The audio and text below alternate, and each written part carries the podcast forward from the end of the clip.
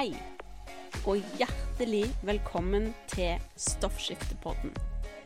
Denne podkasten er for deg som har hashimotos eller lavt stoffskifte, og har lyst til å lære mer om hva du kan gjøre med kosthold og livsstil for å få en bedre hverdag. Kanskje du er en som har hørt alle episodene av Stoffskiftepodden og lest alt jeg har lagt ut på Instagrammen min. Kanskje du fant eh, Stoffskiftepodden i dag og er helt ny her? Kanskje du allerede har begynt å gjøre små endringer? Kanskje du tenker at eh, en dag skal jeg starte, eller jeg er en som ikke får det til. Denne episoden er til deg. I dag skal jeg snakke om tre tegn på at det er på tide å gjøre en endring, og jeg skal gi deg et spark bak for å faktisk få deg i gang. Tegn nummer én på at det er på tide å gjøre en endring du har dårlig samvittighet. Dårlig samvittighet når du har spist noe du i hermetegn ikke burde ha spist. Dårlig samvittighet for hvordan du ser ut. Dårlig samvittighet for hva du veier. Dårlig samvittighet for at du aldri leverer bra nok. Du tenker alltid at det, du burde, burde gjøre det bedre. Ingenting godt nok.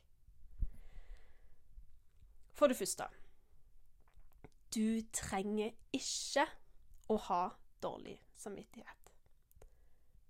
Du er helt fantastisk. Du er unik. Og ja, jeg er totalt innforstått med at eh, du hører hva jeg sier nå, men mest sannsynlig så tror du ikke på meg. Men noen må begynne å si det. Og når jeg har sagt det nok, nok ganger, og viktigst av alt, når du har sagt det nok ganger, da kommer du sakte, men sikkert til å faktisk begynne å tro på det. For det andre En ting som hjalp meg ut av min dårlige samvittighet, det var å gjøre en bra ting, og så skryte høylytt av meg sjøl etterpå. Så gjør det nå. Jeg vil at du skal gjøre det nå. Velg én ting.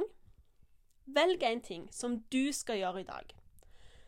Om det er å gå deg en tur, um, skal du finne deg en ny matoppskrift som du skal teste ut, gjerne en som er næringsrik og holder blodsukkeret stabilt, teste yoga Altså, ikke tenk for mye på det. Bare velg det første som faller deg inn, og så gjør du den tingen. Og så skryter du høylytt av deg sjøl etterpå. OK?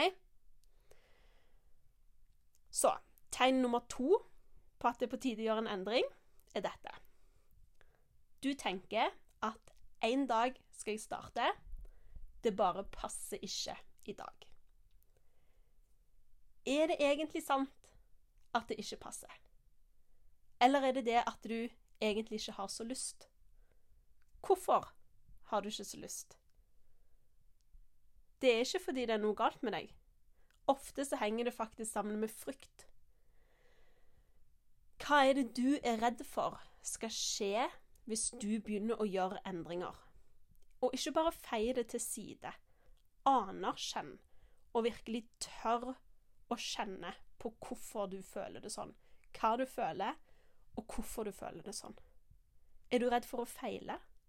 Det er helt normalt. Det er en helt normal menneskelig frykt å være redd for å feile. Men hva skjer hvis du ikke starter å gjøre endringer? Hvor er du om ett år fra nå hvis du ikke gjør noen forandringer? Er det scenarioet verre? Skremmer det deg mer? Da har du svaret ditt. Start i dag med å gjøre én ting. Og tegn nummer tre på at det er på tide å gjøre en endring. Du aner ikke hvor du skal begynne. Og det skjønner jeg godt. Noe som fascinerer meg, det er hvor redde vi er for å spørre om hjelp. Vi skal liksom klare alt sjøl. Jeg pleide faktisk å tenke at jeg ble sett på som et svakt menneske hvis jeg spurte om hjelp. Men fy søren, så feil jeg tok. Det å spørre om hjelp, det å anerkjenne at det, noen andre er bedre enn deg på noe, det er en helt fantastisk egenskap. Du er ikke best på alt. Hallo? Du er best på mye, men ikke alt. Og spesielt når det kommer til kosthold og livsstil, så merker jeg at folk ikke tør å spørre om hjelp. Det skal vi liksom kunne. Du skal liksom vite hvilken mat du skal spise. Og da spør jeg hvorfor i all verden skal du vite det?